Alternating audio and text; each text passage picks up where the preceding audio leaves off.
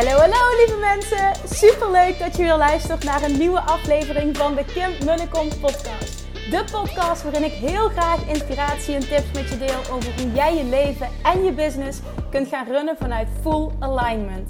Meer voelen en minder denken, want that is where the magic happens. Hoe werkt die wet van aantrekking nu precies? Hoe creëer jij een succesmindset? En hoe kun jij ervoor gaan zorgen dat jij alles gaat aantrekken wat je zo graag wil met minder hard werken? Ik heb er weer super zin in. Let's go!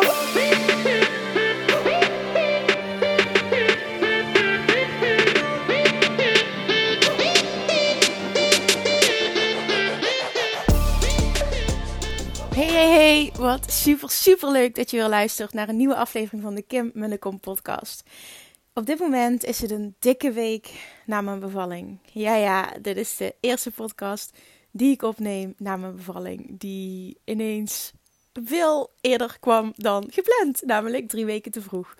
En ik kan niet zomaar doorgaan met, met, met, met podcasten over allerlei onderwerpen zonder, vind ik, uh, mijn eigen bevallingsverhaal te delen en hoe, um, hoe dit ook weer puur law of attraction was. En je denkt nu, Kim gaat het meest fantastische bevallingsverhaal vertellen wat er is.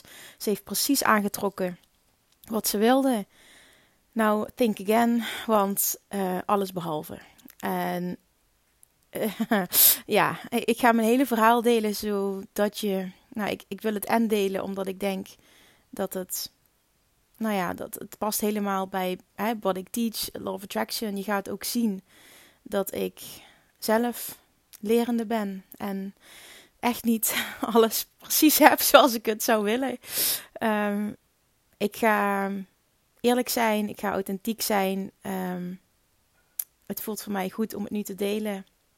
Ik, uh, ik hoop dat ik je ermee kan inspireren. Ik hoop dat het tot inzichten leidt. Um, het helpt mijzelf, denk ik, ook heel erg in toch een stukje verwerking.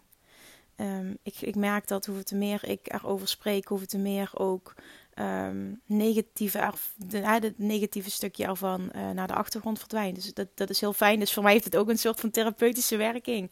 Um, ja, ik hoop vooral dat het je inspireert. Op dit moment uh, liggen wij in bed. En dat betekent uh, ik en de kleine Julian, of de kleine Julian en ik. Dat is de naam van ons zoontje, namelijk Julian. Hij is fantastisch. Hij is geboren op 17 mei om 3 uur 38 s'nachts uh, in Maastricht. En hij is 49 centimeter lang en weegt 2625 gram. Het is een, uh, een kleintje. dat vind ik heerlijk. En we zijn ontzettend blij met hem. Ook het stukje uh, nabevalling uh, zal ik zo meteen met je delen. En hoe wij op dit moment, zijn vriend en ik, met, met, met alles omgaan en hoe het gaat. En nou ja, ik wil gewoon mijn verhaal delen. Laat het daarop houden. Concluderend, ik wil gewoon mijn verhaal delen, omdat ik. Uh, deze podcast is gewoon niet compleet zonder dat te doen. Dit is zo'n life-transforming gebeurtenis. Uh, ik heb daarvoor dat bevalling over gepraat. Dat ik uh, een tijdje misschien wat minder zou podcasten. Nou, op dit moment voelde ik gewoon van: we moeten, ik, ik, ik moet dit delen. Dit is een onderdeel van mijn verhaal, een onderdeel van mijn leven, een onderdeel van wat ik teach. En. Uh, ja, kleine Julian die ligt dus naast me. We liggen ook in bed met z'n tweetjes. Papa die is sporten. En het kan zijn dat, hij, dat ik zo meteen deze aflevering even moet onderbreken. Omdat hij wil drinken. Nou, dat is dan zo. Dat is nu op dit moment hashtag momlife. En dat vind ik geweldig. Dus dan zet ik hem even op pauze. En dan neem ik zo meteen het tweede deel op. En dat zal aan elkaar geëdit worden. Dus nou ja, wie weet, misschien slaapt hij lekker door, omdat Julian gewend is al die negen maanden dat mama heel veel lult. En dat is voor hem uh, relax-modus on. Dus ik hoop dat hij blijft slapen, maar we gaan het zien. Oké. Ja, ah, waar zal ik beginnen? Um, ik, ik was 13 mei jarig. En ik ben 5 juni, was 5 juni uitgerekend. Dat was dus nog wel even. En op zaterdag 16 mei vierde ik mijn verjaardag. 2 en 2 voor, uh, voor, voor mijn ouders. Uh, zijn vriendsouders en mijn ouders zijn allebei gescheiden. Dus ze wilden um, uh, twee keer twee mensen apart laten komen. Dus eerst waren mijn moeder en haar vriend smiddags op bezoek. En toen daarna nog smiddags de moeder van zijn vriend en haar partner. En op zondag zouden dan nog de rest komen. Nou, het was super gezellig. En de moeder van zijn en, um, en Woody heette, heet haar partner, die ging, gingen naar huis toe. En toen zeiden ze nog: Goh, ja, waarschijnlijk de eerstvolgende keer dat we elkaar zien, uh, zal met z'n drietjes zijn. Wat kijken we daarna uit? En ik zeg voor de grap als laatste tegen hun: Haha, let maar op. Zometeen bellen jullie morgen op dat ik vannacht bevallen ben. Zei ik, echt gekscherend. Echt, echt puur als grapje, want ik zat er helemaal niet op te wachten dat het al zou beginnen. En uh, god, ja, dat zou het zijn, zeiden ze nog voor de grap. En toen vertrokken ze. En toen gingen vrienden en ik opruimen en uh, pizza klaarmaken. Het was, het was goed weer, dus we hebben gezellig buiten pizza gegeten. Ik had een uh, geluidsbox gekregen, superleuk, waar ik ontzettend blij mee ben. En die hadden we aangezet. Uh, een hele, hele goede. Ik wilde namelijk een speakertje voor op, de, voor op de badkamer. Dat was mijn wens voor mijn verjaardag. Zodat ik podcast kon luisteren tijdens het douchen. En dan goede geluidskwaliteit. Nou, die had ik dus gekregen. Een waterproof speaker. En die hadden we buiten aangezet. Super goed geluid. We waren lekker aan het chillen, muziek aan het luisteren. En het was, ik denk, nou ja, half negen, zoiets ongeveer rond die tijd. Ik kreeg het koud en ik zei tegen zijn vriend: Ik ga even douchen. Half negen, negen uur. En ik loop naar boven toe. Ik ga nog even naar het toilet. Ja, je gaat gewoon even alle details krijgen. Oké, ik ga even het toilet. En ik sta op. En mijn vliezen breken. Alles zit onder het water. Ik leefde op dat moment in een zwangerschapslegging. Echt super relaxed. Um, en echt, nou ja, het is gewoon of dat je in je broek geplast hebt en het bleef maar doorgaan. Dus ik dacht, holy shit, oké. Oh shit, oké, dit gaat gebeuren. Maar ik, ik had ook zoiets. Nou ja, dit kan wel vaker gebeuren. Maar dat wil niet meteen zeggen dat het, tenminste, dat is wat ik had gehoord. Dat de bevalling ook begint. Het is wel een, een eerste. Het begint wel officieel, maar het kan ook nog een paar dagen duren. Hè. Volgens mij krijg je max 72 uur met, met besmettingsgevaar uh, of infectiegevaar. Um, eh, totdat dat, dat je bijvoorbeeld wordt ingeleid als de weeën niet vanzelf op gang komen. Dus het was niet meteen zo van, holy shit, het gaat nu gebeuren. Ik had meer zoiets van, oké, shit, oké, dit, dit gaat niet nog tot week 40, gaat die niet blijven zitten. Het gaat nu wel gebeuren. Maar eh, ik, ik was er vrij relaxed onder, moet ik zeggen. Ik voelde ook meteen wel krampen. Maar die waren lichtjes. Dus ik ben gewoon gaan douchen zonder zijn vriend iets te vertellen. En onder de douche appte die pijn ook een beetje weg. Dus ik had zoiets van: oké, nou, hè, misschien uh, dat ik gewoon lekker kan slapen vannacht. En dat we morgen of zo naar het ziekenhuis kunnen gaan. Nou, ik lekker gedoucht. Ik stapte uit de douche. En toen werd de pijn weer heviger meteen. En het werd ook flink. Oké, okay, er wordt er eentje wakker. Dus misschien moet ik zo meteen al stoppen. Maar goed, we gaan nog even door het werd steeds, steeds heftiger. En ik dacht, oké, ik kleed me aan. Um, ik ga naar beneden toe en ik ga tegen zijn vriend zeggen, we zullen de, de tas moeten klaarmaken. En toen ja, ben ik naar beneden gelopen en ik zeg tegen zijn vriend, um, niet schrikken, maar ik denk dat het gaat beginnen. En hij zegt: oh, Dat meen je niet. Oh nee, had ik nu maar geen alcohol gedronken, is zijn eerste reactie. Wetende dat het s'avonds is. En uh, zijn vriend had een blikje bier op. Uh, op zich mocht dat, dat was geen probleem, want het was maar één blikje. En uh, hij moest mij nog rijden naar het ziekenhuis. Plus, het was s'avonds. Zijn vriend echt heel veel waarde aan zijn slaap. Dus het was meteen paniek. Holy shit, ga ik dit wel trekken? Nou, oké, wat moeten we doen?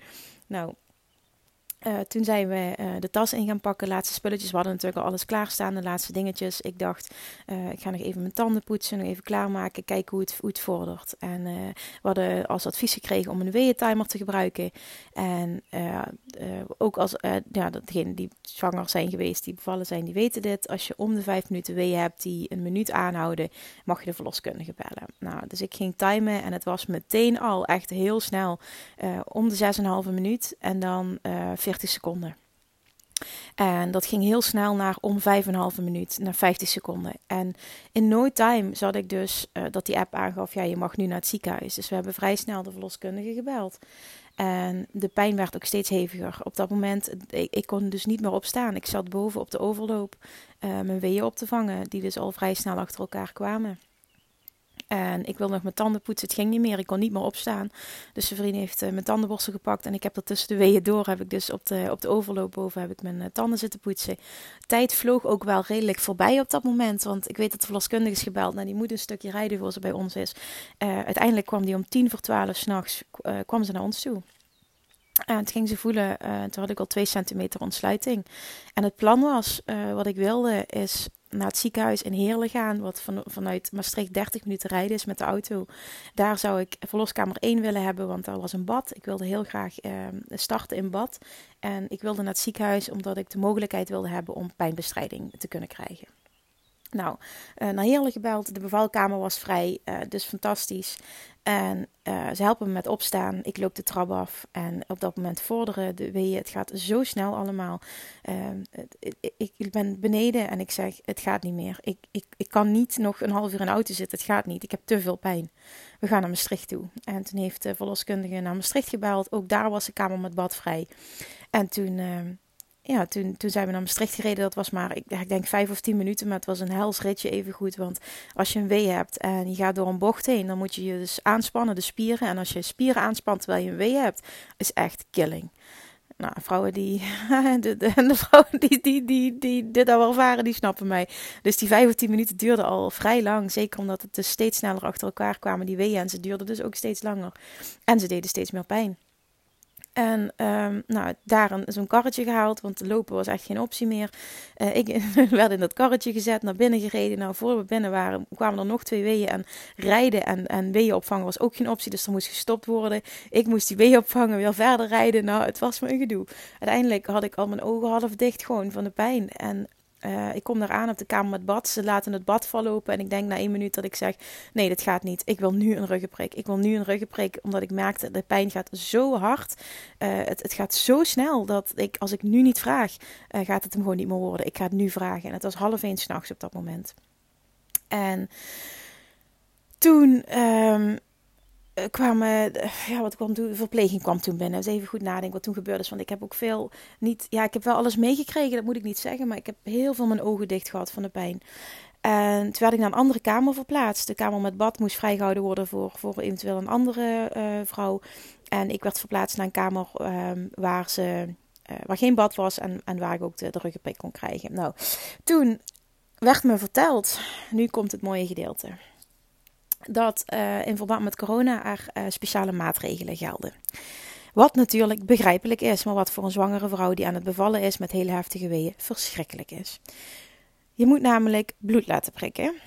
En dat zou binnen een kwartier geanalyseerd kunnen worden. En als je bloed goed is en, en, en ze stoppen nog een ding in je keel waar je van gaat kokhalzen en iets in je neus om te testen.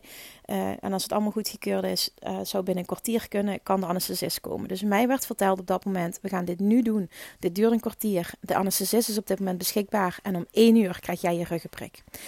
En op dat moment was er zo'n verlichting die ik voelde van oké, ik word geholpen. Er, er, komt, hè, er komt hulp aan, het is op tijd, ik trek dit nog, dit gaat allemaal goed. Dus dat voelde, op dat moment voelde het heel fijn. Toen kwam verpleegster binnen en die gingen proberen om mij te prikken. Nou, daar begon de ellende. Eerst mijn linkerarm. Twee keer prikken, ik had mijn ogen dicht, dus ik heb er niet gezien, ik hoorde alleen wat ze zei. Twee keer prikken. En, och, zegt ze, mevrouw heeft rollende vaten. En het lukte niet twee keer. En dan zegt ze hardop: Ja, nu moet ik een collega gaan vragen, want ik mag maar twee keer proberen. Dus ik dacht: Ja, natuurlijk, dit gaan we krijgen. Volgende dame komt, prikt twee keer in mijn rechterarm, lukt ook niet.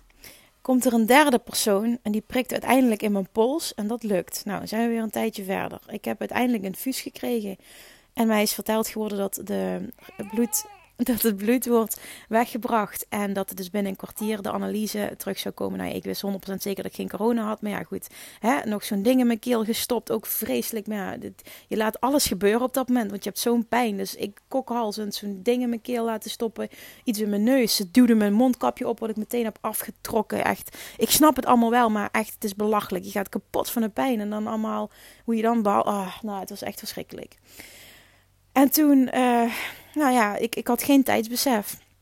Maar het duurde en het duurde en het duurde en het duurde en het duurde. En het werd steeds en steeds pijnlijker. De weeën kwamen ondertussen echt, nou, ik denk om de twee minuten. En ze houden meer dan een minuut aan. En nou, wat, wat er dan gebeurd is, uh, het gaat allemaal heel snel. Ik zat in, binnen no time op 6, meter, 6 centimeter ontsluiting. En dat is natuurlijk, klinkt allemaal heel positief. Maar wat er gebeurt is, als het zo snel gaat, is dat de pijn echt mega intens is. En dat je dus bijna geen pauzes hebt om op adem te komen en om tot rust te komen. En iedere keer, ook als ze wilden meten bijvoorbeeld hoeveel mijn ontsluiting was, moest dat, moest dat al op het einde van een vorige wee. Want als ze wachten in de pauze, hadden ze gewoon te weinig tijd, want dan kwam er weer een volgende wee. En dan was het voor mij gewoon veel en veel te pijnlijk. Dus dat, ik, ik had gewoon geen rust of zo. zo. Zo voelde dat. Het was gewoon echt extreem intens. En ik was nog wel heel in de veronderstelling, er komt zo hulp. En dat was heel te mijn gedachte, iedere keer in het tussen. Ik word zo geholpen, het wordt zo minder. Ik ga dit volhouden, ik kan dit. En zo zat ik de hele tijd daar. Omdat ik nog hoop had.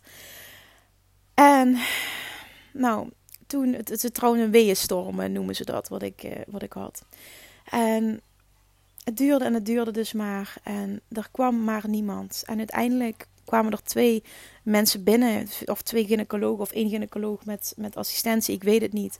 Maar zij zei: uh, Ja, ik heb slecht nieuws. Uh, het gaat voorlopig nog wel even duren. We hebben twee anesthesisten in huis en ze zijn allebei bezet en we hebben geen idee hoe lang het gaat duren. En ik dacht alleen maar: Ja, maar jullie hebben mij net verteld dat en dit en dat. En nou ja, wat later dus bleek, is dat ze de, de bloed niet hebben opgepakt, waardoor het is blijven liggen. En daardoor is er heel veel tijd overheen gegaan. En was de anesthesist, de anesthesisten ondertussen niet meer beschikbaar, omdat er uh, gevallen waren die belangrijker waren dan, dan mijn geval. Dus foutje van het ziekenhuis. Toen duurde en duurde en duurde en duurde en de pijn werd echt steeds heftiger. Ik kan best wel wat hebben, durf ik van mezelf te zeggen. Ik kan echt best wel wat hebben, maar het was zo fucking pijnlijk. Het was echt verschrikkelijk. Ik zat daar te schreeuwen, niet normaal. Ik heb, ik heb het hele ziekenhuis bij elkaar geschreeuwd. En dat zie je in films, maar... En ik dacht dat het altijd fake was. Maar ik heb echt oergeluiden uitgekraamd. Dat hielp mij ook in het opvangen. Uh, natuurlijk heb ik geoefend met ademtechnieken en geprobeerd om zoveel mogelijk te ontspannen. Maar die pijn was zo fucking erg en zo snel en zo lang. Het zat, op een gegeven moment was het echt gewoon om de minuut een wee die twee minuten duurde. Dus het was meer pijn dan rust. En ja, er kwam echt een punt. Ik, ik was gewoon zo aan het smeken om hulp. Ik zeg, kunnen jullie me niet anders, kunnen jullie me niks anders geven? Nee, nee, de anesthesist die komt zo. En ondertussen ja, ging er al zoveel tijd voorbij. Maar nogmaals, ik had geen tijdsbesef. Nee, de anesthesist die komt zo. En ja, die vriend die zat daar maar. En, ook logisch, het was goed hè, want vriend die wilde mij helpen. Maar ik, ik, ik, ja, ik wilde niet dat hij aan me kwam. Ik kon niks van niemand hebben. Het was gewoon, ik, ik wilde dat iedereen me met rust liet. En, en ik zag zijn vriend kijken van, oh, ik vind het zo verschrikkelijk om dit te moeten zien. Kan niemand daar helpen? En ik de verloskundige zeg, alsjeblieft, geef me wat anders. Kun je me niks anders geven? Nee, zei ze, we kunnen je alleen morfine geven, want lachgas was geen optie, want er was het ziekenhuis niet op ingericht. We kunnen je alleen morfine geven, maar dat doen we niet, want dat is schadelijk voor je kleintje. Ja, dat snap ik. Maar ik was zo ten einde raad. Ik zeg, geef me alsjeblieft wat. Ik zeg, ik kan niet meer, ik trek het niet meer. Alsjeblieft, help me. Nee, gebeurde niet. En ik snap het. En ik ben achteraf heel blij dat het allemaal zo is gegaan. Maar op dat moment, ik was echt ten einde raad. Ik heb echt gesmeekt om hulp. Uiteindelijk had ik zelf wat gevonden wat mij hielp om de pijn te verlichten. En dat was namelijk dat ik ehm, tijdens een wee mijn eigen lip kapot aan het bijten was. En dat klinkt heel stom, maar dat was zo fijn, want daardoor kon ik mijn pijnprikkel verleggen. Waardoor ongeveer de pijn 25% minder werd in mijn, ja, in mijn, in mijn buik. En, en die 25% die voelde ik dan ik, op, op in mijn lippen, zeg maar, die pijn. En hoe harder ik, ik beet, hoe fijner het was. Ja, ik weet het, het klinkt absurd, hè, maar echt, het was zo fijn. Maar ik was wel mijn lip kapot aan bijten. En mijn verloskundige die zat achter mij. Die was namelijk haar warme handen in mijn rug aan het houden. En dat was echt ontzettend fijn tijdens een wee. En op een bepaald moment draait ze zich om om tegen me te praten. En ze ziet wat ik aan het doen ben. En ze wordt ontzettend boos op mij. Kim, hou op met op je lip bijten. Die lip kan ik niet hechten. Hou er onmiddellijk mee op, zegt ze. En ze, en ze pakt een, uh, ze zegt tegen een verpleegkundige: pak, een, uh, pak die witte lap en maak die nat. En die duwde ze dus in mijn mond. Ja, ik rijd die, ik, of ik, dat is Limburgs volgens mij, maar ik trek die lap meteen uit mijn mond. En ik zeg het niet hardop, maar ik denk bij mezelf: ik bepaal zelf wel of ik mijn lip kapot bijt. Ja, weet je, want het was voor mij de enige manier waarop ik, uh, waarop ik voelde dat ik het kon trekken, gewoon door mijn eigen lip kapot te bijten. En ik dacht: boeien, wat is een lip nou die heelt wel? Het interesseerde me geen fuck hoe ik daarna eruit zou zien. Ja, ze was dus heel boos en ze bleef bij me staan. En iedere keer tijdens de week deed ik het weer. En dan duwde ze weer wat in mijn mond en, en werd ze weer boos op me. En ik snap het, want het verloskundige is echt fantastisch geweest. En dit moest ze doen, want ik had alles kapot gebeten. Dan had mijn gezicht er verschrikkelijk uitgezien. En, en dat had ze inderdaad niet kunnen hechten. Dus ik, ik begrijp het helemaal. Ik begrijp alles, maar dat is allemaal achteraf. Op dat moment was ik alleen maar boos. En nou, toen uiteindelijk, ik denk dat het ehm, half drie was ongeveer, als ik dat nu kan terugkijken en inschatten. Half drie s'nachts komt de anesthesist binnen. En die is beschikbaar. En mevrouw kan een ruggenprik krijgen. En toen wordt er tegen mij gezegd: Nee, ik denk dat mevrouw, ik denk dat het niet meer nodig is, want mevrouw heeft, uh, heeft waarschijnlijk al 10 centimeter ontsluiting. En ik denk, nee, nee, nee, nee. Ik kan echt niet gaan persen nu. Nee, ik moet pauze hebben. Geef me alsjeblieft nu die ruggenprik. Dus ik weer helemaal in die smeekmodus. Ik zeg, alsjeblieft, Naomi was, de naam van de verloskundige. Ik zeg, alsjeblieft, ik kan niet meer. Ik kan niet persen nu. Alsjeblieft, geef me pauze. Alsjeblieft, geef me die ruggenprik. Nee, Kim, zegt ze, dit gaat niet. En ze, ze pakt mijn hand. Ze zegt, kijk me eens even aan. Jij gaat je nu focussen. Wij gaan nu jouw zoon ter wereld brengen. Jij gaat nu je zoon ter wereld brengen, zegt ze tegen mij. Oh, en ik, en ik, ik, wist het, dit gaat me gewoon niet worden. Ik kan tegenstribbelen wat ik wil, ik kan smeken wat ik wil. Ze gaan me gewoon niet helpen. Het, het, ik, ik voelde me echt machteloos gewoon. Maar het voelde echt, ik wil niet meer, ik kan niet meer, ik heb nu verlichting nodig. Het boeit me niet als het nog uren duurt voor ik ga persen. Ik wil dat dit nu ophoudt. Ik trek de pijn niet meer. Toen kwam er een punt, dan zat je echt op, het, op de top. Ik dacht echt, ik ga flauw vallen, ik ga overgeven. En toen zagen ze aan me en zeiden ze, Kim, moet je overgeven? Ik zeg, ja, ik denk het wel. Hebben ze bakjes gepakt. Nou, ondertussen was ik weer mijn lip kapot aan het bijten. Die lap wordt weer in mijn mond geduwd. Ik wilde wat anders voor afleiding. Dus ik heb de gedachte, ik wil die bakjes pakken. En ik wil ze door de kamer gaan gooien. Ik weet dat ik dat allemaal gedacht heb, want ik was wel bewust van alles. Maar ik heb me echt super goed gedragen. Want ik dacht, nee Kim, ga geen scène maken. Ga niet, ga niet dingen doen waar je spijt van krijgt. Hou je, hou je netjes. Ik heb ook niet gescholden. Ik, heb, ik ben echt een dief geweest tegen iedereen. Het was echt puur in mij allemaal. Want ik, ik heb zo lang die hoop gehad van die verloskundige komt. En toen die hoop, zeg maar. Um, oh ja, dat was ook nog een punt wat ik, wat ik niet heb verteld. Sorry, het is soms niet helemaal chronologisch, maar het was wel een, een, belangrijke gebeurtenis. Um, op een gegeven moment, uh, denk ik, toen ik 8, 9 centimeter ontsluiting had en de weeën dus heel heftig waren, komt er gynaecoloog binnen en ik zat midden in een wee. En als ik midden in een wee zit, moet je niet tegen me praten. En wat doet zij? Zij komt binnen die gynaecoloog en ze zegt Sorry meis, het gaat hem niet meer worden hoor met die gynaecoloog, zegt ze zo tegen me. En ik zo, nee, ik zeg, wacht even, wacht even, zeg ik zo. Nee, het gaat hem niet meer worden, ze zijn zo druk bezig. En ja, je hebt waarschijnlijk toch 10 centimeter ontsluiting, dus je kan het wel vergeten. En echt zo bot en zo lomp. Ik weet niet meer wat er precieze bewoordingen waren, maar ik hoorde daarna van het andere personeel dat ze ook zoiets hadden van, jezus, dat had ook wel even anders gekund. En ze hadden helemaal er kop kunnen houden toen ze in een wee zat. Maar goed, dat werd niet, dat gebeurde niet. En op dat moment weet ik dat ik echt eventjes helemaal de moed verloor en echt dacht van flikker op. Ik werd boos. Ik werd eh, wanhoop. Weet je, het was wanhoop. Want ik, ik had al die tijd nog de hoop van ik word zo geholpen. En ik was ja, ook aan het bidden, aan het vragen en positief aan denken. Maar toen, ja, toen vervloog gewoon alle hoop. En dat was even een heel zwaar moment. Nou, uiteindelijk dus die anesthesist komt binnen. Uh, die die uh, verloskundige zegt, we gaan dus nu persen. Jij gaat je focussen. Je gaat nu je zoon ter wereld brengen. Hij is er zo, hoor ik haar nog zeggen. Hij is er zo. En met die bewoordingen ben ik uiteindelijk, want ik zat de hele tijd. Dat was voor mij heel fijn om de wee op te vangen. Dan had ik veel minder pijn dan liggen. Liggen vond ik echt vreselijk. Nou, ik moest gaan liggen omdat ze mijn ontsluiting wilde checken. En als ik volledige ontsluiting had, dan moest ik dus gaan persen. En de verloskundige zag aan mij dat ik volledige ontsluiting had. Dat zag ze al aan mijn gezicht. En ik ging liggen en ja hoor, ja hoor, mevrouw, het volledige ontsluiting. We gaan beginnen, we gaan persen. En ik dacht, nee, ik, ik kan niet meer. Ik weet niet hoe ik dit moet gaan doen. Maar goed, je gaat door, want het moet. En toen ben ik gaan persen. En heel gek, want ik heb van andere vrouwen gehoord dat ze dit heel anders ervaren. Maar op de een of andere manier voelde dat persen minder erg, terwijl het ontzettend pijnlijk is als van tevoren die weeën opvangen. En ik denk als ik dat zo kan inschatten waarom dat zo is, omdat ik A, uh, mentaal een, een shift kon maken naar het is zo voorbij. Dus dan, dan, dan zit je er mentaal anders in, waardoor het gewoon beter voelt. Ik denk dat dat enorm heeft geholpen.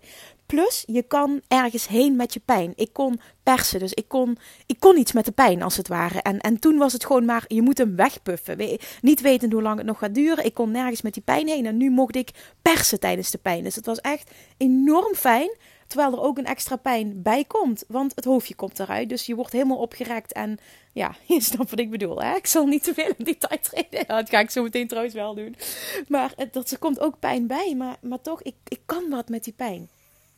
Dus oké, nou, het begon. En ze, Naomi zei tegen mij: Hij is er zo. En ik interpreteerde dat natuurlijk weer heel positief. Ik dacht: Oké, ik ga liggen, ik ga vijf minuten persen en het kind is eruit. Dat dacht ik echt. En met die hoop ging ik liggen. En liggen deed echt ontzettend veel pijn. Ze zagen het ook aan me en ze zeggen: Zullen we anders een baarkruk even pakken voor je? Want dat is misschien wel veel fijner voor jou om te bevallen. Ik hoor ze nog zeggen, als ik het goed heb onthouden, kamer 5, kamer 22 heeft er een.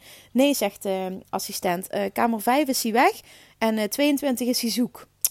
Nou, en ik hoor dat. Ik denk, ja, natuurlijk. Natuurlijk gebeurt dit. Natuurlijk, dacht ik. Hè? Je zit dan... Ja, ik, ik, ik was niet in alignment. Laat dat even duidelijk zijn. Tijdens de valling ben ik niet in alignment geweest. Daarvoor trouwens ook niet op dit stuk, want uh, anders had ik dit niet gemanifesteerd. Maar dat ga ik op het einde nog wel even vertellen. Oké, die kruk kan ik dus vergeten. Ik moet blijven liggen. Nou, um, het, is zwaar onprettig. Maar in met nog steeds met de gedachte: oké, dit is zo voorbij. Dus ik iedere keer tijdens een wee vier keer persen. En iedere keer zei de verloskundige: Kun je nog één keer? Kun je nog één keer? En ik had al die tijd mijn ogen dicht. Kijk of je hem de bocht omkrijgt, zei ze de hele tijd. En ik wist niet wat ze bedoelde. Of dat ze dan bedoelde dat ik het hoofdje eruit perste of zo. Ik weet het niet. Maar kijk of je hem de bocht omkrijgt, zegt ze. Oké, nou ik dacht, ja, weet je wat, ik, ik doe gewoon mijn best. Ik, ik, wist niet, ja, ik wist het verder ook niet. Dus ik was gewoon zo hard mogelijk maar aan het persen, zo goed mogelijk en mijn best aan het doen. Maar het schoot me niet op. Op een moment zegt ze: Kijk, kijk dan, kijk eens, kijk eens. En, en ik dacht: Nee, ik ga niet kijken, ik ga echt niet kijken. En uiteindelijk, het, het, duurde en het duurde en het duurde en het duurde. En ik dacht, ja, ik ga wel kijken. En ondertussen had ik al, ik, ik lag eigenlijk dus op bed, op mijn rug, benen opgetrokken. De ene eh, been tegen de linkerassistent en de andere been tegen de, om me af te zetten tegen de, uh, tegen de verloskundige. En zijn vriend had mijn, had mijn hoofd vast, maar hield mijn hoofd omhoog. En, oh, oké, dus ik deed mijn ogen open. Oh mijn god, wat verschrok ik me van wat ik toen zag. Oh, dat was echt heel heftig. Ja, ik weet het. Dit is ook echt. Ik ga echt te visueel zijn nu. Maar het was. Ik ga veel eerlijk zijn. Het was echt heel heftig. Want je. Je ziet dan gewoon letterlijk een hoofdje tussen je benen uitkomen. En het is echt bizar. Het was echt bizar. En omdat hij zoveel haar had, zie je gewoon een haarbol, zeg maar. Ik weet het, ik weet het. Het is misschien te veel detail, maar ik, ik, ik moet je gewoon meenemen in mijn beleving. Maar dat was heel bizar. Maar tegelijkertijd ook weer: oké, hij komt, dacht ik echt. Oké, ik zie hem al. Ik dacht dat er nog niks te zien was. Maar hij was er gewoon al voor een groot deel. En hij zat dus al een hele tijd vast met zijn hoofdje daar. En dat had ik niet in de gaten. Dus, maar dat gaf mij weer perspectief van: oké, weet je, oké, ik, ik kan ergens naartoe werken. Ik ben het dus wel goed aan het doen. Nou, en toen werd het ook voor mij mentaal anders. Want ik had echt zoiets: oké, weet je, dit gaan we doen. En ik, het is bijna zover en ik kan dit. En, en, en toen ik weer persen, weer persen, weer persen. Maar het, het, leek niet op te schieten. Het leek, niet, het leek niet beter te worden of zo. En ze bleef zeggen: kijk of je hem de bocht om krijgt. Kijk of je hem, of je hem iets verder geperst krijgt. Maar hij, hij, dat ging maar niet. En op een gegeven moment, oh, ik had zoveel pijn. Ik had zoveel pijn. En ik zeg tegen de verloskundige, ik, ik denk ook gewoon man op. Want zijn vriend zei achteraf, je hebt zo'n grappige dingen gezegd. Ik heb dus, ik heb dus geroepen, maar Naomi, ik zeg, waarom trek je hem niet aan zijn haren? Trek hem toch gewoon aan zijn haren. Pak hem toch gewoon vast. Help me toch gewoon. En dat ik dus geroepen. En Want ik, ik dacht echt, dit kan toch? Hij heeft zoveel haar. Je kan hem toch gewoon een beetje aan zijn haren trekken? Je kan toch gewoon zijn hoofdje eruit trekken? Nee, zegt Naomi, dat kan niet. Dit moet natuurlijk gebeuren. We kunnen hem niet zomaar eruit trekken. En ik snapte echt niet waarom. Dus ik dacht bijna, ik had echt, de, nou, ik had de neiging om gewoon met mijn andere hand het hoofd te pakken en hem eruit te trekken. Gewoon omdat ik zo graag wilde dat het voorbij was. Maar ja, dat was dus geen optie blijkbaar. En ze begon ook te lachen, dus blijkbaar zei ik iets bizars. En toen, de volgende week, weet ik ook nog dat ik geroepen heb: Kom dan, kom dan, kom dan. Zo van tegen die baby praten. Ik weet ook dat zijn vriend vertelt dit heel lachend na. Blijkbaar is het allemaal heel grappig geweest. Maar dat komt, je bent zo wanhopig. Je roept, blijkbaar roep je de raarste dingen. Nou ja, misschien ben ik het alleen, maar ik denk dat meer vrouwen dit doen. Maar ik zag dus dat hoofdje de hele tijd. Ze hadden ondertussen meten ze zijn hartslag. Met hem was trouwens al die tijd niks aan de hand. Hij is al die tijd volledig oké geweest. Dus hij is niet in gevaar geweest. Het was echt wel heel fijn. Maar het schoot maar niet op. Nou, op een gegeven moment had ik zoveel pijn en ik was zo uitgeput. En de weeën waren zo heftig achter elkaar dat ik tegen Naomi zeg: zeg Naomi, alsjeblieft knip, alsjeblieft knip me in, alsjeblieft help me, doe iets, ik kan niet meer, zeg ik zo. En toen zegt ze: Oké, Kim, over vijf minuten gaan we knippen. Je gaat nog even vijf minuten zelf proberen, want dat is echt beter voor je. Daar ben ik me achteraf dankbaar voor. Als hij er over vijf minuten niet is, ga ik knippen. Ik zei: Oké, oké. Nou, ik nog tot die vijf minuten proberen. En ik zag al na een minuut dat de verloskundige zegt tegen de, de, de, ja, ik weet niet precies wie erbij was, maar zegt tegen degene die erbij was: Zie je hoe die ligt? zegt ze. En ik hoor dat. En toen dacht ik al: Dit gaat hem niet worden, dit ligt niet aan mij. Hij ligt verkeerd. Ik kan dit dus blijkbaar niet. Zo, dit ligt niet aan mij, ik kan hier niks aan doen. Zo voelde dat echt. Hij ligt verkeerd. En daarna pakte ze ook meteen de schaar. En ik in normale staat, geen pijn hebbende, zou hier panisch en bang voor zijn geweest. Want je ziet die schaar. Je weet wat er gaat gebeuren. Ik zag het zelfs. Maar ik smeekte haar om te knippen. En ze knippen gewoon zonder verdoving.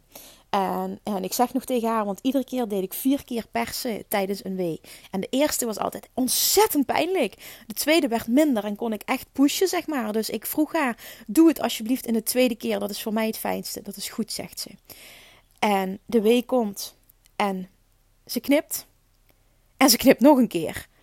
En ja, ja, natuurlijk, dit voel je. Ik, ik, heb het gevoel in ieder geval, ja, dit voel je. Maar het is zo niks, want ze knippen gewoon echt gewoon zonder verdoving. Knippen ze gewoon in je en niet zo'n beetje. En die pijn is niks in vergelijking met de pijn die ik voelde. Het klinkt, want ik vertel het verhaal na en iedereen kijkt dan echt zo van: oh nee, dat meen je niet. Maar die pijn, echt, trust me, als je nog nooit dit hebt meegemaakt, die pijn van die bevalling is zoveel heftiger dan die knip. Je smeekt om die knip. In ieder geval, ik smeekte om die knip. En ik was zo blij dat het gebeurde. En toen ik wist dat er geknipt was, toen kwam er zo'n oerkracht in mij vrij. Van oké, en nu moet hij eruit. Dat voelde ik aan alles. Dus ik push zo ontzettend hard. Echt letterlijk of dat mijn leven ervan afhing. En Naomi trekt. En ik zie, dat is ook zo. Oh, ik heb dat nu nog zo op mijn, op mijn netvlies staan. Ik zie dat hoofdje eruit komen. En al die tijd had ik dus, kwam er een stuk hoofd uit. En ik dacht al die tijd dat dat het hoofdje was. Maar wat er toen gebeurde, bleek dat dat maar een vijfde van het hoofdje was. En ik schrik me helemaal kapot. Want het was dus een bult wat op je hoofdje is gekomen. Wat ik heb gezien. Dat dat die vast zat. De hele tijd. Maar dat was niet het echte hoofdje. Het echte hoofdje was vijf keer zo groot. Dus zij trekt het uit mij. En die schouders en die armpjes en alles wat er uit me komt. Ik verschrik me wat ze dan uit je halen. Ik denk echt, holy shit, hoe kan dit hier uitkomen? Ik vond het zo heftig. En dan leggen ze het op je borst.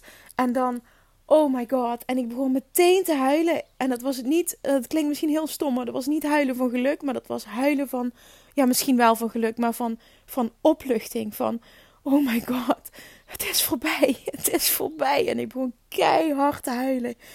En de pijn is ook acuut weg. Dat was zo fijn, de pijn is meteen weg. Je voelt de pijn van de knip, maar ja, die boeit geen fuck. Die boeit geen fuck. Oh, de pijn is weg. Ik kan zo in het moment komen nu. Die pijn is weg, die opluchting is er. Ze leggen het kindje op je borst. En toen ik hem aankeek, was het het contrast binnen een paar seconden van het meest gruwelijke wat ik ooit in mijn leven heb meegemaakt naar het allermooiste wat ik ooit in mijn leven heb meegemaakt. Oh, nu, ik vertel dit, nu, weet je, je, je wordt er gewoon weer emotioneel van.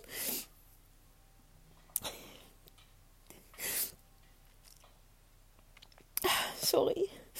Dit is echt zo bizar. En dan ben je zo blij dat het voorbij is. Ik heb al die tijd gedacht Oh my god. Dit doe ik nooit meer. Hoe moet ik zijn vriend vertellen dat ik geen kinderen meer wil? Heb ik al die tijd gedacht. En dan ligt hij daar en hij begint te huilen. En oh, dat is zo mooi. En ik kijk zijn vriend aan. En blijkbaar zijn er ook foto's gemaakt toen. Dat heb ik allemaal niet meegekregen. Maar die heb ik dus later gezien.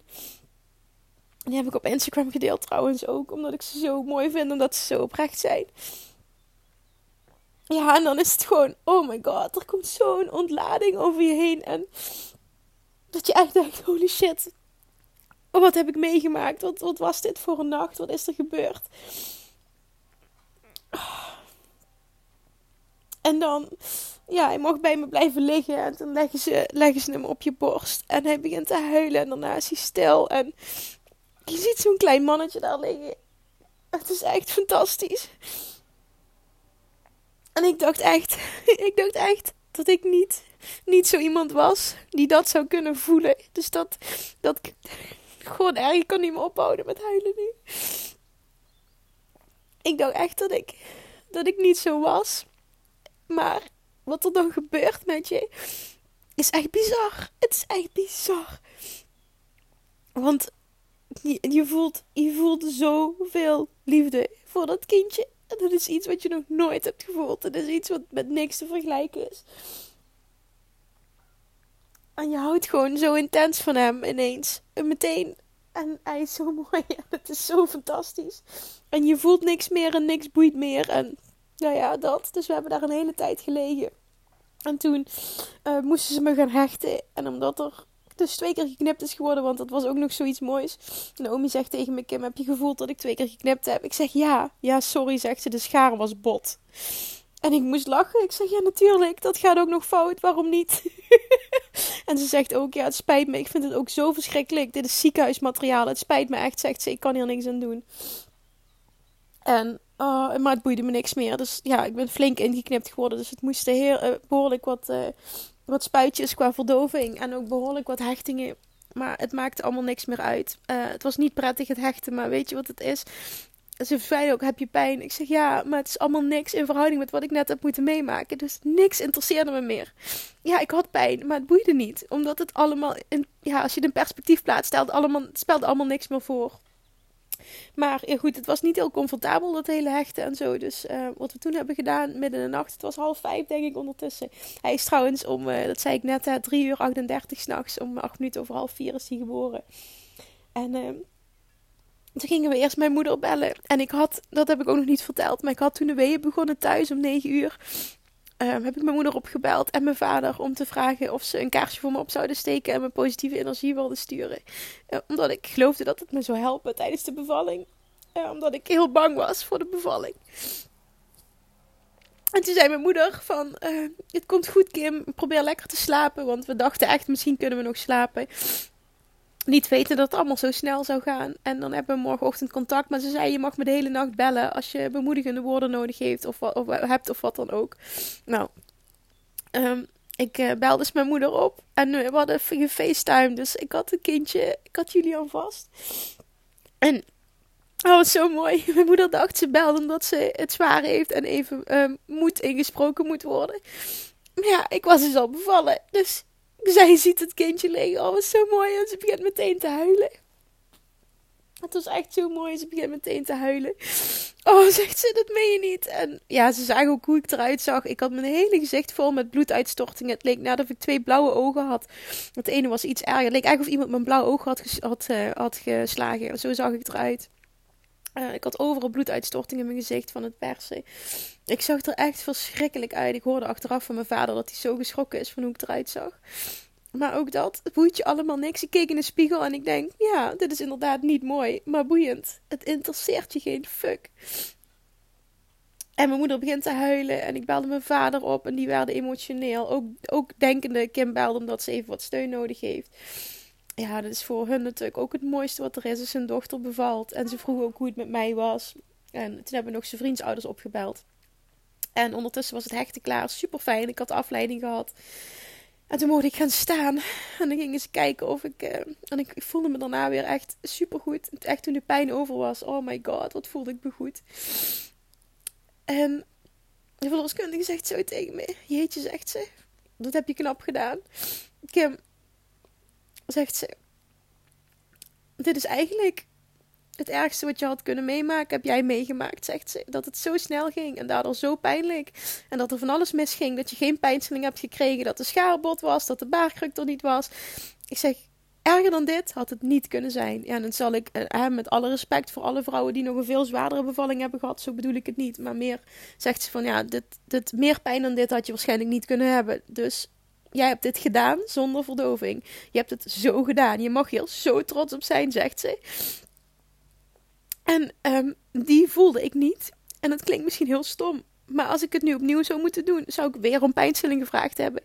Ik vind het namelijk niet knap van mezelf. Ik hoefde van mezelf niet zonder pijnstilling te bevallen. Ik, heb, ik hoef dat niet aan mezelf te bewijzen dat ik dat kan. Dus daarom vind ik het ook niet bijzonder knap van mezelf. Ik vind het fijn om te weten dat mijn lichaam het aan kan. Ik wist dat ik dit zou kunnen, maar ik had het niet nodig. Ik wist dat ik dit zou kunnen.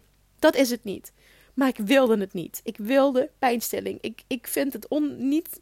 Ik hoef van mezelf niet onnodig te lijden. Dat was gewoon Um, hoe ik erin stond van tevoren. Nou, de verloskundige zei dat je mag zo ongelooflijk trots op jezelf zijn. Je hebt het gewoon zelf geflikt, zegt ze. En het is, het is erger dan dit, dat je het gewoon niet kunnen hebben.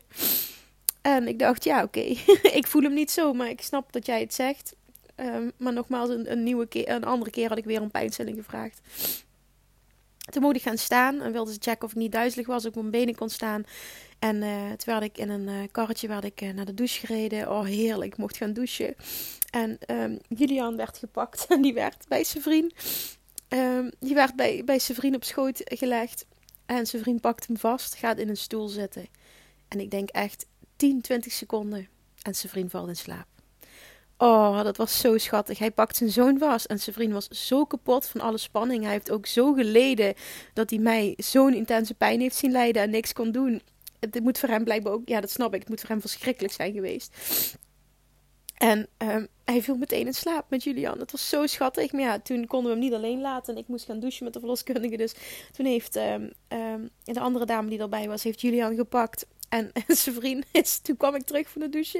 En toen lag zijn vriend op mijn bevalbed te slapen. Zo schattig. Waar ik net bevallen was, ging hij slapen. Hij was helemaal kapot. En ik stond stijf van de adrenaline. Echt, ik, oh, ik kon echt niet slapen. Oh, schatje. Ben je wakker geworden? Oh, ja, we gaan zo eten. Nou, en toen um, hebben we hem nog natuurlijk gewogen. Volgens mij was dat al gebeurd. Ik weet even de volgorde allemaal niet meer. En toen mocht ik hem aankleden. En oh, was zo fijn. Mocht ik hem de eerste keer aankleden. En mocht ik de eerste keer oefenen met hoe het allemaal werkte. En oh, ik zag... Ik was zo verliefd op dat mannetje meteen. Oh, hij is zo klein en zo lief en zo mooi. En ja, het was zo'n heerlijk gevoel. Want we hebben de tas ingepakt en ik werd, um, nou ja, ik werd in een rolstoel gereden naar, naar buiten, naar de auto. Mochten naar huis toe. Het was half acht. Ondertussen, s ochtends. En uh, om uh, acht uur of negen uur s ochtends zou de kraamzorg komen op zondag, 17 mei. En um, ja, zijn vriend die rijdt ons naar huis. De kleintje in een maxi En uh, mama er meteen naast. En ehm, nou, we komen thuis aan, super ja, mooi op zondagochtend. Iedereen slaapt nog om ons heen in de straat, alles is rustig. En het lijkt net of dat er niks gebeurd is. Het was zo bizar. We gaan s'nachts om 12 uur gaan we weg. En we komen s ochtends om half acht komen we thuis. De bevalling heeft uiteindelijk, ja, vliezenbreek was 9 uur. Half vier is die geboren, dus 6,5 uur. Um, ehm, 6,5 uur was het gebeurd. En het was gewoon een nachtje weg en we komen s ochtends thuis. Niemand heeft wat gemerkt en Julian is geboren. Ja, echt, echt bizar. Het gevoel is zo bizar. En ik stond zo stijf van adrenaline, want we wisten we moeten gaan slapen. Maar ik, oh nee, ik, ik, ik wilde alleen maar bij hem zijn. En toen heb ik hem zijn eerste flesje gegeven. En ja, ik heb er trouwens, ik, kies er bewust voor om geen borstvoeding te geven. Uh, achteraf zei ze ook dat het uh, niet had gekund bij hem, omdat hij zo'n hoofdpijn had, omdat hij zo lang heeft vastgezeten. Ehm, dat hij nooit uh, aan de borst gedronken had. Dus het is ook gewoon allemaal prima hoe het nu is. Het flesje gaat heel goed. En ik geef hem zijn eerste flesje en hij begint te drinken. En oh, het is zo fantastisch. En um, ja, vervolgens komt om negen uur de kraamzorg en die komt je helpen. Maar je zit nog helemaal beduust eigenlijk op de bank van alles wat gebeurd is. En ik zat foto's terug te kijken en ja, dat was zo emotioneel. We hadden de hele nacht niet geslapen. Ik, Oh, het is een rollercoaster van emoties. En uh, ja, zijn vrienden natuurlijk ontzettend moe. En ja je, moet, je, ja, je moet niks, maar je gaat eigenlijk gewoon door op dat moment. En ja, die zondag was gewoon, die, die vloog voorbij. Maar er werd ons de belangrijkste dingen geleerd. Een luiertje verschonen, hem eten geven, um, hem leren kennen. En allemaal, ja, die stapjes. Ja, en toen kwam eigenlijk de kraamhulp de hele week. En het ging super goed. En, en nu is de kraamhulp weg. De eerste, het is de tweede dag. En het gaat eigenlijk ontzettend goed. En ik heb zoveel vertrouwen in dat met hem alles goed gaat. Dat het met ons goed gaat. We zijn super relaxed. En ja, ik kan ook echt zeggen, als ik nu terugkijk, hè, um, hoe Love Attraction hier een rol in heeft gespeeld. Ik was voor één ding ontzettend bang. mijn allergrootste angst was dat ik niet op tijd in Heerlen zou zijn en dat ik geen pijnstilling zou krijgen. Dat was mijn aller, aller, allergrootste angst. Dat ik niet op tijd zou zijn voor pijnstilling. En dat is precies wat er gebeurd is. We zijn en niet naar Heerlijk kunnen gaan. En ik heb geen pijnstilling gekregen omdat het zo snel ging. Dus ik had gewild dat ik een heel mooi, perfect gemanifesteerd, helemaal in alignment bevallingsverhaal had kunnen vertellen. Maar op dit stuk bevallen heb ik al jaren zo'n grote angst zitten en zo'n grote angst opgebouwd. Dat het me niet gelukt is om het op tijd te shiften. En ik heb eraan gewerkt, heel veel. En, we hebben een hypnobirthing cursus gedaan. En het heeft me meer in vertrouwen gebracht. Het heeft echt geholpen. Maar als ik 100% eerlijk ben, is het me niet gelukt om mijn angst los te laten. Ik was echt heel erg bang voor de bevalling. En dit is ook wat ik je wil. Wat ik, je wil. Ehm, ik wil je namelijk niet bang maken met dit verhaal. Ik wil je laten zien hoe ik precies gekregen heb waar ik bang voor was. Ik heb letterlijk dit aangetrokken. Ik heb dit zelf gemanifesteerd. Dat weet ik. Want ik was hier bang voor. Dit is wat ik verwachtte. En ik wou dat ik het had om kunnen draaien. En het is niet gelukt. Um, ik ben ik boos op mezelf? Nee, helemaal niet. Absoluut niet. Uh, ik vind het jammer, want ik heb het geprobeerd. Maar um, die angst zat te diep. En uh, ja, je, je, merkt dat dit weer iets is waar ik... Ik loop er al jaren mee. Dus dat is iets... Dat wil niet zeggen hè, dat als je al iets al jaren hebt dat je niet kan shiften. Maar wel is het zo dat er zoveel weerstand op zit op dit stuk. Dat het gewoon meer energie en meer moeite kost en meer tijd kost om het om te draaien. En ik was nog niet zo ver. Ik had wel twee dagen voor de bevalling. Dat heeft me heel erg geholpen. Heb ik een clip geluisterd van Abraham Hicks over uh, painless childbirth. En dat heeft me heel erg geholpen. En dat was namelijk dat ze zeiden: um, Jouw lichaam is hiervoor gemaakt, jij kan dit. En bevallen is het meest spirituele wat je, uh, wat je kunt ervaren als mens. En dat gaf me wel rust, enigszins. Um, maar dat nam de angst niet weg. Ik was zo enorm bang voor de pijn. Waar het vandaan komt, weet ik niet. Maar het is wel iets wat uh, heel erg speelde. Oké, okay. ik ga hem heel even onderbreken. Ik wil nog een klein stukje vertellen. En ik kom zo meteen terug, maar ik ga hem eerst eventjes wat eten geven. Oké, okay, hij is nu weer stil. Oké, okay, dan kunnen we misschien toch nog even doorpraten. ik heb dus um, letterlijk dit gemanifesteerd. En misschien herken je je in mijn verhaal als je bevallen bent. Misschien herken je je erin. Is, heb je een andere angst? Heb je precies gekregen wat je wilde op het gebied van gezondheid of iets anders? Financieel. Uh, dit is gewoon echt ook letterlijk. Letterlijk law of attraction. En. Uh,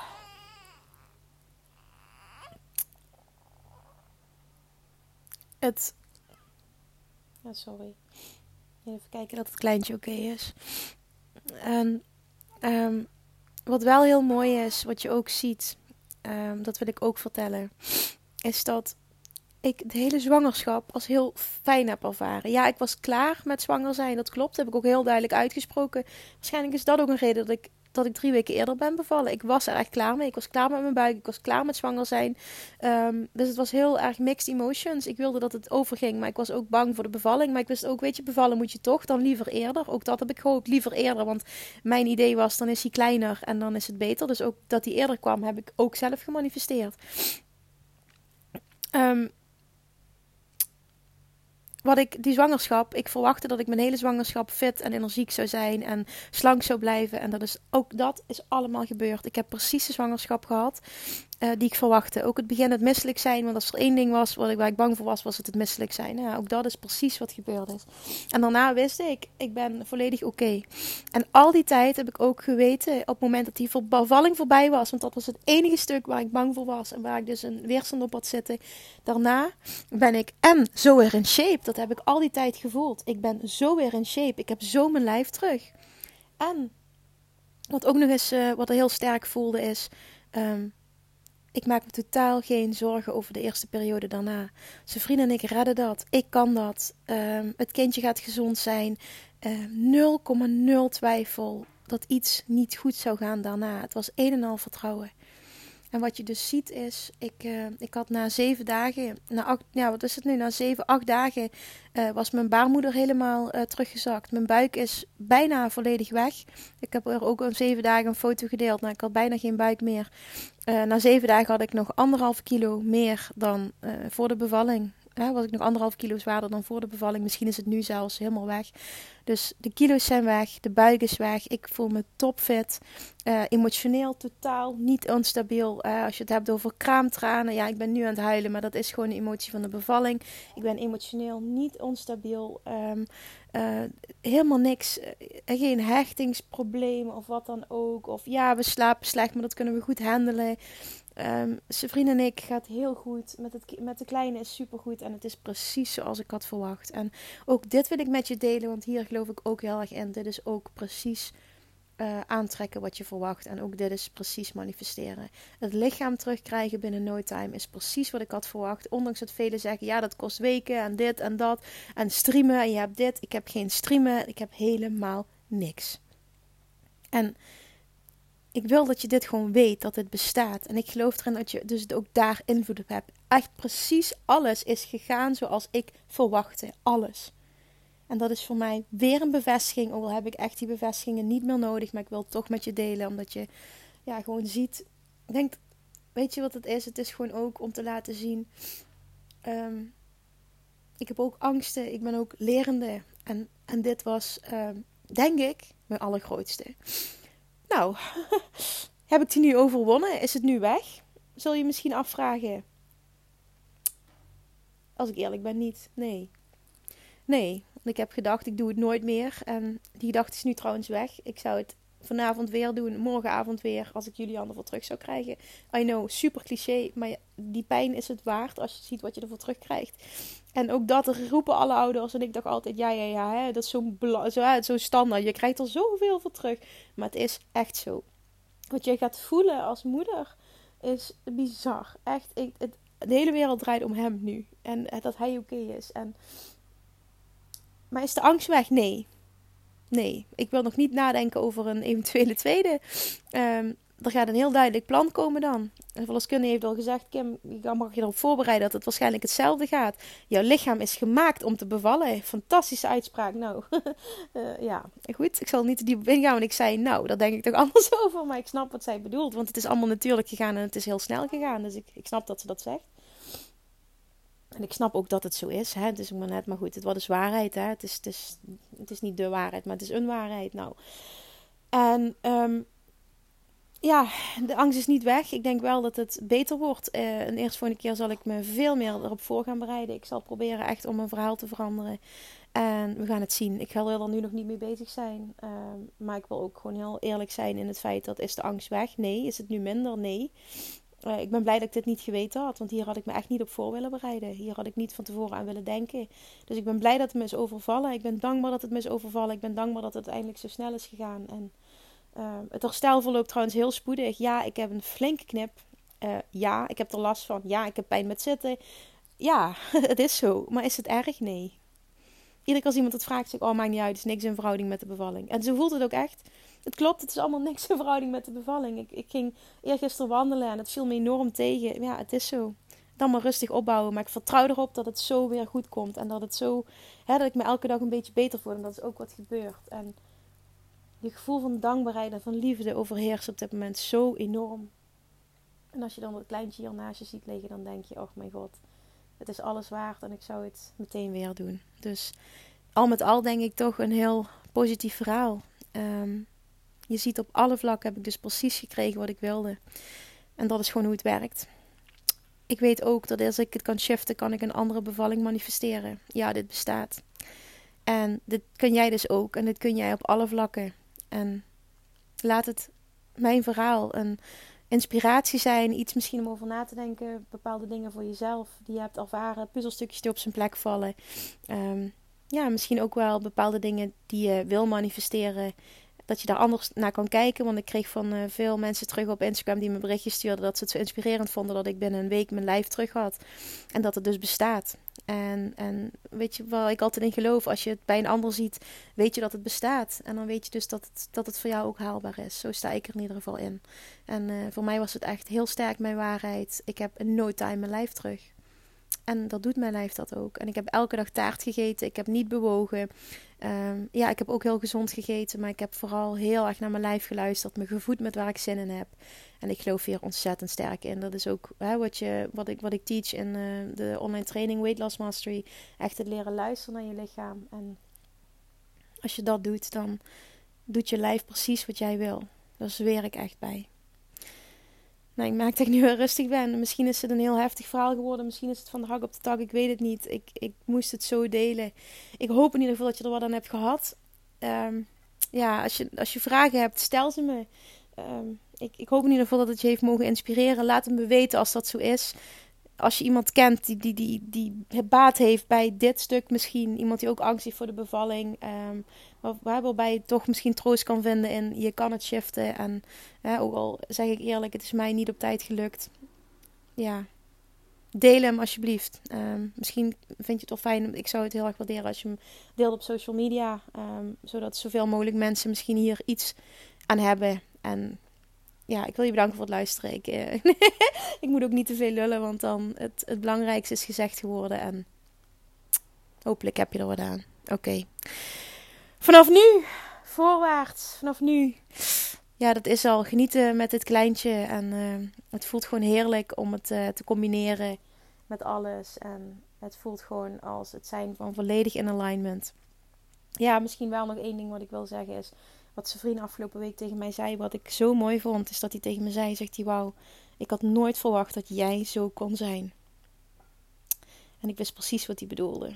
zijn vriend kent mij als iemand die 100% voor zijn werk gaat en ehm, ja, misschien af en toe wel wat zorgzaamheid mist. Ik heb dat wel in me, maar ehm, ja, ik geef altijd heel veel prioriteit aan mijn werk omdat het echt voelde als, ja nog steeds hè, mijn kindje is. En ik dat ontzettend graag doe. En ik weet dat hij daar af en toe wel wat moeite mee heeft gehad. En misschien ook wel heeft gedacht van, goh, gaat Kim zorgzaam zijn? Gaat ze er 100% zijn voor ons zoontje? Daar heeft hij op vertrouwd, want anders had hij ook natuurlijk hè, niet een kindje met mij gewild. Maar hij zegt, het is ongelooflijk hoe jij bent met Julian. Het is ongelooflijk wat ik zie. Dit is nog, dit is echt, dat zei hij, dit is nog tien keer mooier dan ik had. Het is ook zo mooi. Ik werd emotioneel toen hij het zei. Het is nog tien keer mooier dan ik had gehoopt dat het zou zijn. En ik zie gewoon, als hij naar mij kijkt, ook de liefde die hij voelt. Voor mij, om wie ik ben natuurlijk, maar ook hoe ik met onze zoon omga. En hoe ik, hoe ik voor hem zorg. En het heeft gewoon echt ook echt wel een enorme verdieping gegeven aan onze relatie. Het is echt heel bijzonder om te zien. Zijn vriend zei, nu voelt het echt compleet. Met de toevoeging, oké, ja, zegt hij, voor jou nog een huis aan het water en dan is het echt compleet. En toen moest ik lachen. Ik zeg, ja. Dus dat is misschien wel een mooie afsluiting. Als je denkt dat je niet zo kan zijn, want dat dacht ik ook voor mezelf. Trust me, als je een kleintje hebt, je verandert zo als persoon. En ik, ik ben nog steeds helemaal van mijn werk. En ik vind het nog steeds super leuk. Want ik heb gisteren alweer een eh, QA gegeven. Heb ik alweer een video opgenomen. Eh, toen zijn vriend met, de kleine, met Julian aan het wandelen was. En dit is er nog allemaal. Maar er is zoveel liefde bijgekomen. En ja, Julian staat eigenlijk op de allereerste plaats. En het is zo'n fijn gevoel. Als je naar hem kijkt, dan is het gewoon acute alignment. En dat is echt waar. Als je uit alignment bent en je kijkt naar hem, dan is het meteen terug in alignment en zoveel liefde voelen. En het is uh, heel goed als manifestatietool. ah, Oké, ik hou mijn mond nu. Dankjewel voor het luisteren. En uh, ja, ik, ik weet niet wanneer er een volgende podcast online komt. Misschien snel, misschien wat langer. Maar ik weet dat jullie er alle begrip van hebben. Dus dankjewel en tot de volgende keer. Doei doei! Lievertjes, dankjewel weer voor het luisteren. Nou, mocht je deze aflevering interessant hebben gevonden, dan alsjeblieft maak even een screenshot en tag me op Instagram. Of in je stories, of gewoon in je feed. Daarmee inspireer je anderen en ik vind het zo ontzettend leuk om te zien wie er luistert. En nog één dingetje voor alle gratis content die ik aanbied. Zou je alsjeblieft één dingetje terug willen doen? En dat is ga naar iTunes Zoek de podcast op, scroll even naar beneden en laat een korte review achter. Hoeveel meer reviews namelijk, hoeveel beter de podcast gevonden wordt in iTunes en hoeveel meer mensen ik kan bereiken met mijn boodschap. Super, super dankjewel alvast en tot de volgende keer!